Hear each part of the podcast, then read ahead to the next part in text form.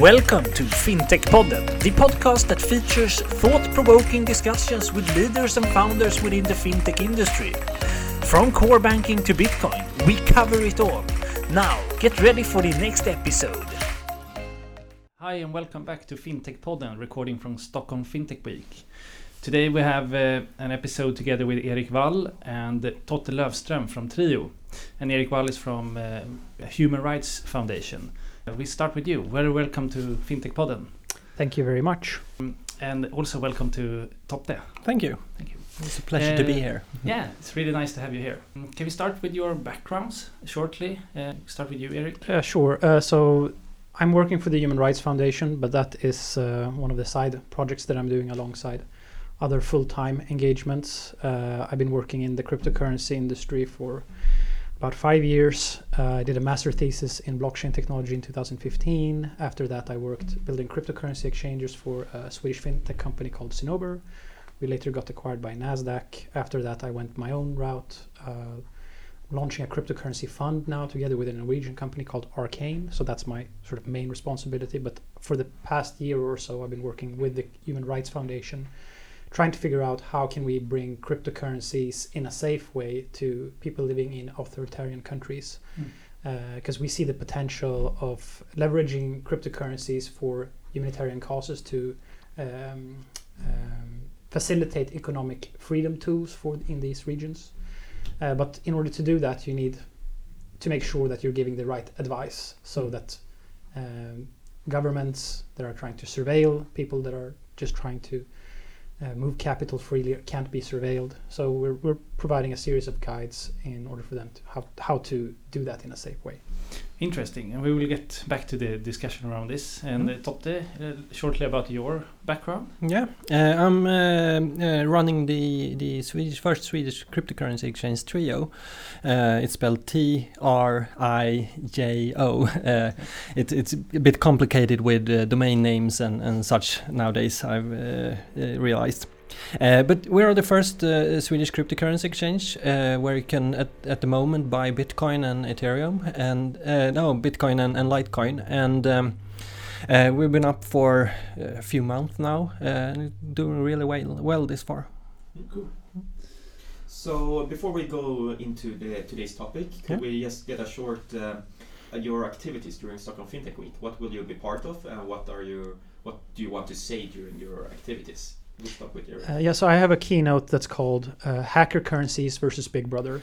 And it's about the ongoing uh, struggle for uh, privacy activists to develop cryptographic tools in order for people to be able to do commerce in a private way versus the entities, the governments, and the corporations that are trying to surveil these people.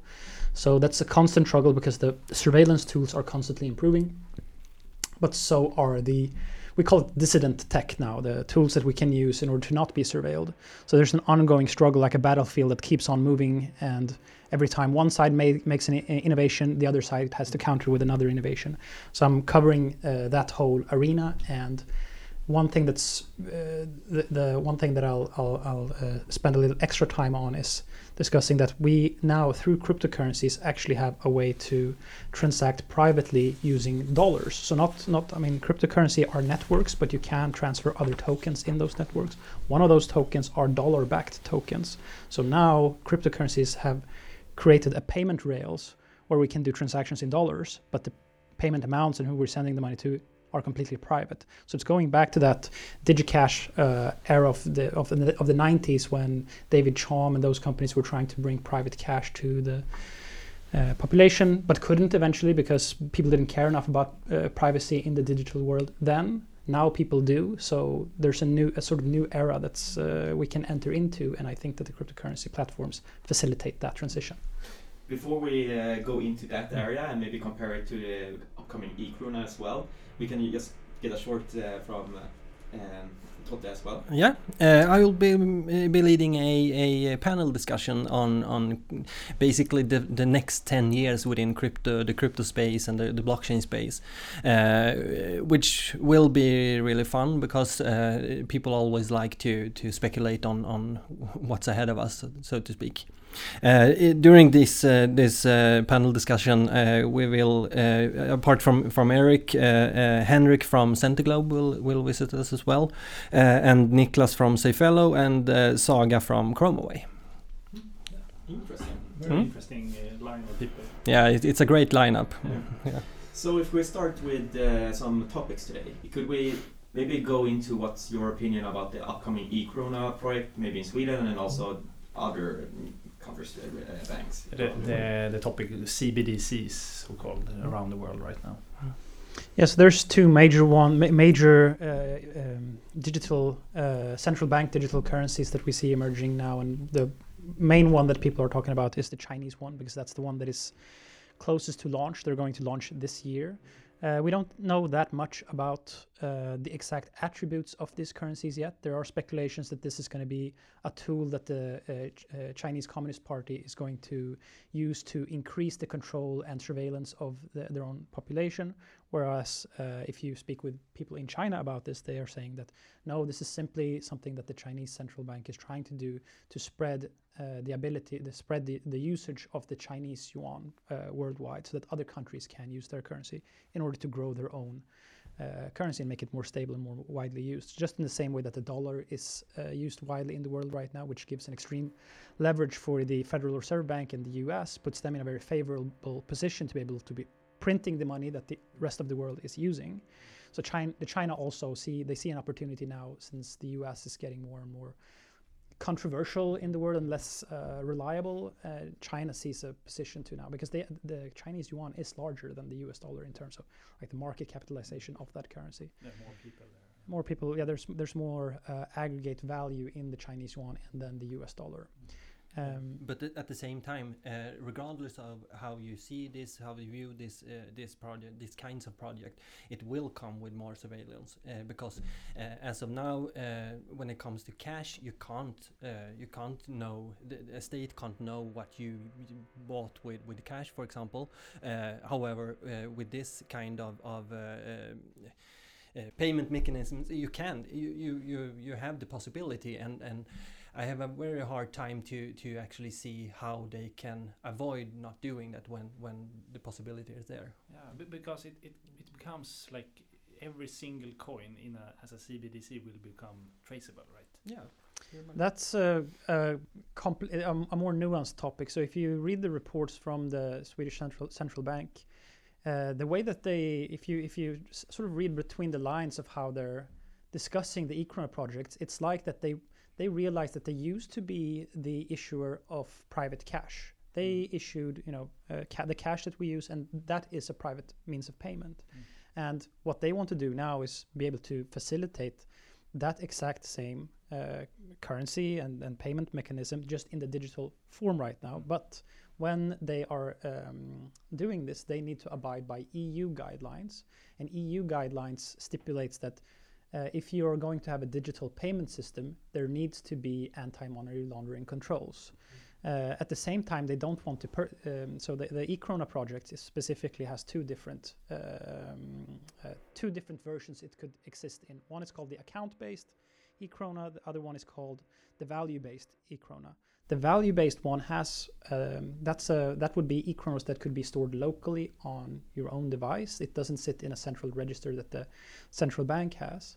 But in order for the central bank to be able to comply with these anti-money money, money laundering laws, um, even the value-based e-krona would need to be associated with some kind of serial number so um, it, and, and, that's to make sure that they can uh, keep the uh, um, fixed spending limits. So the e-krona wouldn't be able to you wouldn't be able to make transactions for more than 250 euros. Uh, but in order to keep those uh, limits, um, to make sure that people aren't uh, uh, reaching over those limits, yeah. they need to have some type of control of what's going on in the network, and they need to be able to aggregate some sort of data of what's going on to make sure that they're able to detect money laundering activities in the network. So they can't make it completely private because that wouldn't abide by the EU laws that exist. But when you read between the lines, it sort of it feels like that they want to do that. They see their responsibility uh, in order to grow the uh, the trust and the value of the Swedish currency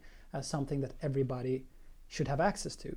So it's a it's a sort of conflict there of what they want to do and what they can do, and it's difficult to know like what's the uh, what how does the central bank actually think about this? Are they using the EU uh, rules as sort of a scapegoat and saying that that's why they can't do it, or you know? So that's uh, it's uh, it's, hard, it's hard to say. But what's your personal opinions about this Swedish project, for example? It sounds like you are both negative and positive from both sides. Of No, I'm actually uh, mostly positive about the project because if you look at digital uh, payments now, there's no privacy. I mean, the, we are third parties, commercial banks that aggregate all of this data. The central bank is at least trying to create a pseudonymous uh, system which would have more privacy, and you would be holding central bank currency, which doesn't have the central the counterparty risk towards the banks. So now, if you have a, a Nordea uh, account and that's how you make your payments, then that's not, not actually your money. It's uh, money that you now is on Nordea's balance sheet and allows them to, um, you know, get more leverage in their activities. So a- and if you look at the types of activities Nor- Nordea is engaging in, and you look at like, uh, uh, how is how are their activities impacting the climate, that's not. If you look at if you look at the at, at that data, you, you you know that that's not something that you necessarily want to contribute to.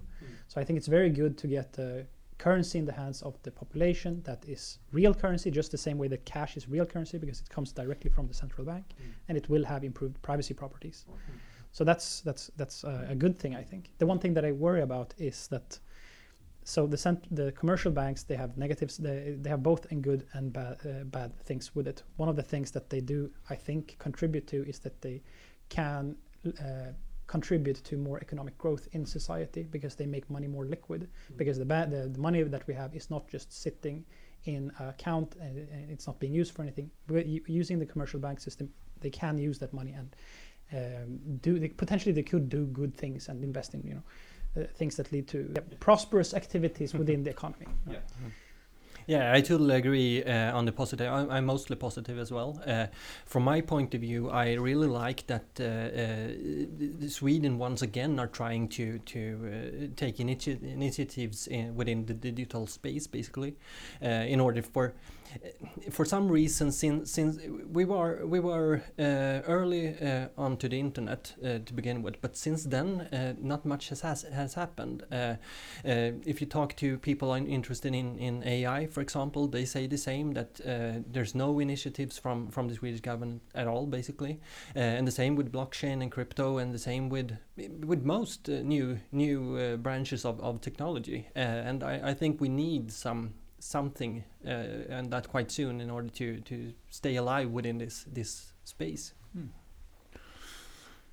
Yeah, um, and and and if we look at blockchain, crypto, CBDCs, etc., looking ahead, uh, where do you see crypto evolving the coming years, and where do you see CBDCs? Will will I, I, I mean, there's a difference between CBDCs and the sort of public blockchains, cryptos.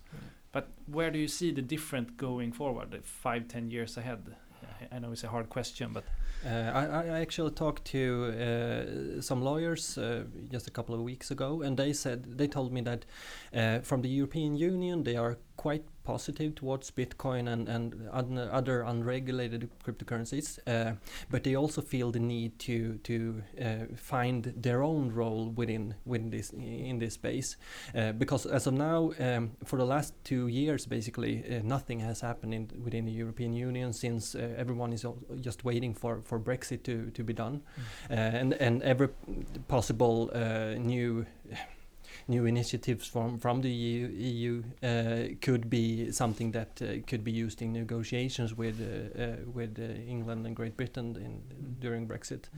Um, so uh, the, the lawyers they told me that. Um, uh, European un- unions are quite uh, worried as of now because uh, things are really happening in Asia and in, in the United States and and uh, within Europe nothing has happened basically now. Uh, so that's I think in terms of regulation and leg- legislation, I don't think we will see uh, any bans or anything like that. But uh, it will be really interesting to see uh, exactly what they do to to help us uh, thrive, basically. Mm. Yeah, I think it's very interesting to look at the timing of when did the e-krona project start. Uh, was it because cash was disappearing from uh, society, or was it because Bitcoin was emerging? If you look at what the Chinese officials are saying uh, in uh, connection to the launch of their central bank digital currency, they're saying that one of the reasons that they're launching the Chinese um, digital currency is because they want they want to uh, stifle uh, the public's interest in cryptocurrency assets. Mm. So they're seeing that people are getting interested in these cryptocurrency assets. They're saying, well, we can take the technology and make our central bank currency is sort of a crypto, and it's go and what they're trying the agenda they're trying to push is that the magic is in the blockchain technology, and as long as we're also using the blockchain technology, then why use Bitcoin. You're going to get access to the large, the, the largest uh, currency on the planet on a blockchain platform. So you should be much more interested in the Chinese, uh, in the in, in, in, in the central bank currency. So that's that's very interesting. Um, I think, and it also if you look at the, what the Swedish central bank was doing initially, they were. Uh, they're in their initial, initial drafts. They were thinking that they were going to use DLT technology also, so it definitely came. I think that Bitcoin showed the central banks that it is possible to create a, a, a, a widely spread currency that everybody can use that is safe. Um, and at the same time, um, this could uh, become a means for the central bank to upgrade themselves into the new dig- digital space and, and provide cash again. Um, how those things are going to play out in the future, I think that what we're seeing more in the cryptocurrency industry right now is that Bitcoin. I'm not, I'm not sure to what extent Bitcoin is going to be viewed as a currency for the next five to ten years. It seems more now that Bitcoin is becoming more like a digital gold, a safe haven asset, an investment uh, product that you can have to protect yourself from inflation. Central banks cannot provide that because they um, intentionally dilute the supply of their own currency ongoingly. So you cannot you cannot use the central bank digital currency to protect your wealth from inflation. So that's how th- that's how they will be different. That okay, may, yes, maybe the central bank digital currencies will be less volatile, more suitable for uh, everyday commerce in those countries, but crypt- cryptocurrencies becomes like the instrument that you invest in if you want to keep preserve the value of your wealth over time and transport it more easily. So sort of like a digital go- gold versus digital cash. In the if we go in even further and look like 30 years or 20 years from now, that dynamic may change a little bit because if you have the opportunity to to get paid in a currency that decreases val- in value over time versus one that is more stable over time, more and more people are gonna start to prefer just give me the Bitcoin. I don't want you know uh, just give me the Bitcoin if I can use that and it preserves value over time. I think that the end in the very end game, Bitcoin is or a cryptocurrency is going to start to cannibalize on uh, the monetary pro- on the monetary aspect of of, of uh, this as well. But how do you? s- What's your reflection regarding this uh, company-based cryptocurrencies out there, like Libra, for example? Do we? Do you think we will see more of them, like different um, uh, cryptocurrencies for each company out there to pay for their services, or what's your reflection on that area? Well, definitely not a cryptocurrency per each company, but I think that we will see large corporate conglomerates get together and try to uh, launch a currency because that's the I mean that's the end. Being able to control the currency system is one of the most powerful tools that you can have. And if you look at the, uh, a company like Facebook, they have 2.5 billion users. They're actually in a stronger position because they are more uh, technically savvy and they have a larger network. I mean, the, the Facebook, if you view Facebook as a, a country, then it's a much lar- or a nation. It's a much more uh, larger nation than, than China is, and they have uh, they have better uh, conditions uh, for being successful. Their only problem is that they have to fight the uh, the regulations in a much more hi- harsh climate because the uh, governments are going to try to push back as much as possible. So we're not sure is Facebook going to be able to launch Libra or not. That's sort of up in the air right now. If they are, I think they have a better opportunity to challenge the central uh, banks than, than central banks themselves have at becoming uh, currency yeah, that everybody yeah, uses. and we also have to remember that the European Union really don't want Libra to succeed in, within Europe Mm. because that's eh, it's it's not a good thing that uh, a multinational company starts basically printing their own money in this way. Uh, however, I, I used to uh, to explain these kind of things by, by saying, in if you look at the track record for for huge, uh, uh, especially American companies trying to to enter a new market, which is is what Facebook are trying to do with Libra, uh, they are rarely succeed with this. Um, for example, uh, do you remember Google Plus? Uh, the social network that Yeah. were, were to compete with Yeah. Facebook, it doesn't didn't fly at all. Uh, they had like a hundred million uh, signed up users, but it di- still didn't fly because people. That's not what they used Google for. Uh, it's the same thing uh, when when Facebook tried to compete with uh, uh, with uh, Gmail. Uh, they tried to, to launch their own email client and it didn't fly. So I, I'm I'm quite skeptical to the to the success of Libra, even if we if they uh, manage to uh, to come through through all these uh, uh, regulations that are are waiting for them. But um, uh, we'll see, basically. Mm. Yeah. I'm I'm much more optimistic because uh, if we look at the most successful deployment of uh, digital payments anywhere right now, it's definitely WeChat and Alipay in China.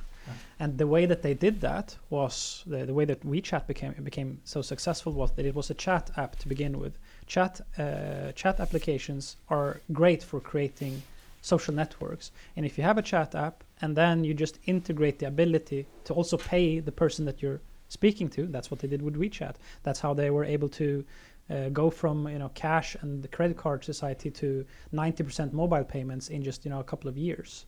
Um, so having that infrastructure of a global chat app network that Facebook has because they own Instagram, they own WhatsApp, they own Messenger, combining that all that together and launching a currency in that system is extremely I mean that's the that's the best uh, conditions that you can have in order to make something like that successful. Yeah. So I think that uh, it's not completely fair to compare it to Google trying to launch a, a social network because a chat app is a much better infrastructure for launching currency than a search engine is to launch a social network. I think. Uh, yeah, yeah, that that might be. However, you ha- also have to remember that uh, in China, when when uh, WeChat arrived, uh, there, there weren't really that ma- many uh, possibilities for, for people to pay. Uh, here in Sweden, for example, we have uh, we have card payments which are, are really established. Uh, we also have Swish, uh, and all. I think people are not interested in, in, in using money because uh, it's it's a certain certain technology or anything like that. People want to, to be able to pay, and and that's it. But Uh, when you are in uh, vacation with your Italian friends, how do you settle the bill? Do you swish them? You can't swish them. You need to go you- cash? You, need send to get cash. Bitcoin, of course. that, that's my point. So Swish, uh, super good here in Sweden, but if we're trying to build something internationally, then Swish is you can't use Swish for that. So that's what ba- basically Libra could become a sort of international Swish. Yeah, but my reasoning is that the, the kind th- those kinds of situations are are really really rare, especially for for ordinary people doing going on with their own ordinary lives. Uh, because how often do you send money to to an American uh, friend or anything like that? It's it's really rare. I think it's uh, on the rise. I mean, well, from my personal life, it's happened more and more now that you are traveling and you are with, uh, and uh, I think like initially it's just going to be a, a remittance tool. It's something that you only use when you want to settle payments between those sort of international groups or sending for people sending uh, money from one country to another where they have families in different countries. But once that sort of becomes the standard for settling payments between countries, then it can start to become something that's used within those countries also.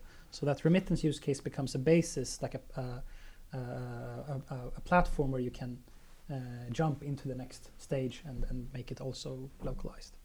Yeah, and, and another thing that has been a, a big topic here on the FinTech Week is uh, uh, AML and, and the dark side of FinTech, etc. We have had many guests here talking about that. Uh, but we also see that there's coming more and more uh, and better and better uh, sophisticated tracking tools for for cryptocurrency exchanging around the world.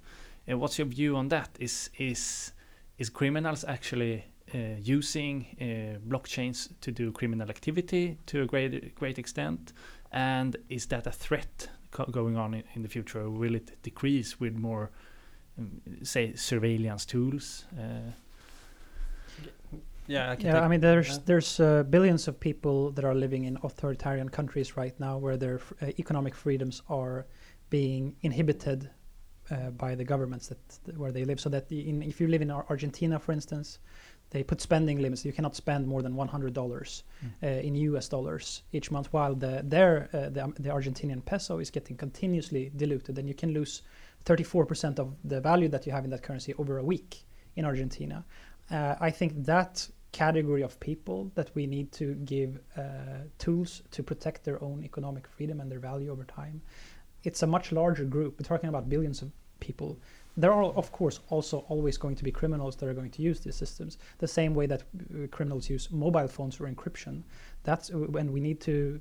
Criminal activity needs to be uh, fought by traditional law enforcement methodologies, but we cannot exclude the rest of the population from such a potent technology that can bring so much good to people just for this one uh, negative side effect.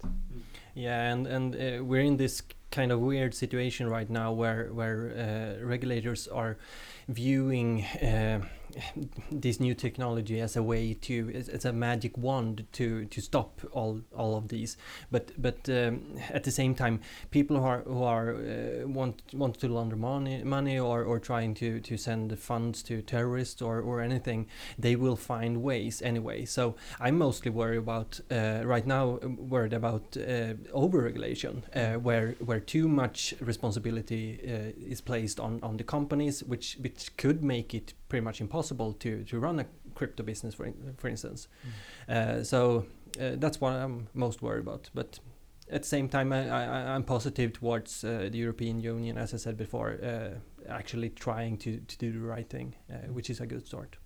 Yeah, I agree with Totte completely. Like if you look at KYC, uh, how that has worked. I mean, you can get uh, a, a criminal person can get a photoshopped uh, ID that you can that you can buy on the internet for fifty dollars and use that to be able to use all these uh, digital online uh, platforms and sign up for services.